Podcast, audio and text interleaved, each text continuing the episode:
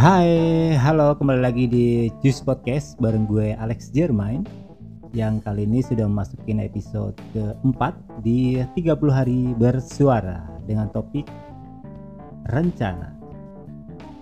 Guys, ini bakal panjang ya, siapin cemilan atau kopi buat Anda bersantai kupingin podcast gue ya. Well, membuat action plan yang kuat selalu dimulai dengan memiliki tujuan, visi, atau tujuan yang jelas dalam pikiran.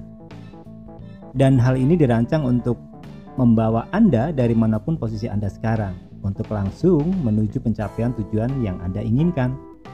Dengan rencana yang dirancang dengan baik, Anda dapat mencapai hampir semua tujuan yang ingin Anda capai. Nah, yang pertama, buat rencana Anda. Ketahui apa yang ingin Anda lakukan. Semakin tidak jelas Anda tentang apa yang ingin Anda lakukan, semakin tidak efektif rencana Anda. Cobalah untuk menentukan secara spesifik apa yang ingin Anda capai sedini mungkin. Lebih baik sebelum mulai proyek Anda ya. Jangan Anda nggak punya rencana atau tahu mau ngapain gitu ya. And then kemudian breakdown langkah-langkah Anda. Tarik mundur tujuan akhir Anda untuk identifikasi apa aja yang harus Anda selesaikan. Identifikasi tujuan akhir Anda Kemudian daftar semua yang perlu Anda lakukan. Nah, tergantung pada tujuan Anda, Anda bahkan dapat mempertimbangkan berbagai cara untuk mencapai tujuan Anda. Setelah Anda tahu apa yang Anda capai, breakdown ini menjadi langkah-langkah yang dapat ditindaklanjuti untuk membantu Anda membuat rencana yang lebih realistis. Dan ada beberapa langkah yang dapat Anda lakukan. Yang pertama, Tetaplah ingat bahwa rencana Anda dapat berubah seiring saat Anda bekerja. Dan tetaplah fleksibel. Kedua, pastikan bahwa sasaran Anda adalah smart untuk memastikan bahwa rencana Anda efektif. Poin-poin berikutnya adalah spesifik. Sasaran kinerja harus bersifat spesifik. Artinya, harus secara rinci dan detail menggambarkan apa yang ingin kita raih. Demikian juga, jika kita hendak merumuskan sasaran untuk menyelesaikan sebuah proyek atau kegiatan, maka kita perlu menyebutkan jenis proyeknya secara detail dan cakupan tugas yang akan dikerjakan. Kemudian measurable, terukur. Sasaran kinerja yang kita susun dapat diukur. Ukuran yang dicantumkan bisa berupa volume, rupiah, persentase, atau angka nominal. Poin berikutnya, achievable. Artinya target yang ditetapkan masih bisa dicapai dengan dukungan sumber daya yang tersedia. Aspek yang ketiga ini amat berkaitan dengan proses penetapan target. Kalau enggak achievable, ya nggak usah direncanain gitu ya. Kemudian relevan. Sasaran kinerja yang ditetapkan bersifat relevan dengan tugas pokok dan tanggung jawab yang diemban. Dengan demikian, sasaran yang ditetapkan juga menjadi lebih tajam bersifat kritikal bagi peningkatan kinerja secara keseluruhan. Kemudian time bound, artinya sasaran kinerja yang kita susun memiliki target waktu yang jelas. Kapan proyek atau kegiatan ini harus selesai? Nah, itu menentukan banget buat kita membuat time bound. Jadilah spesifik dan realistis dalam perencanaan Anda.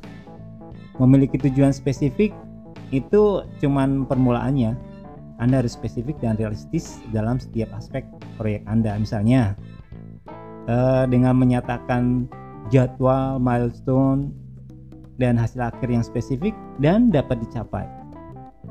Milestone menandai tahapan signifikan di sepanjang jalan untuk mencapai tujuan akhir Anda.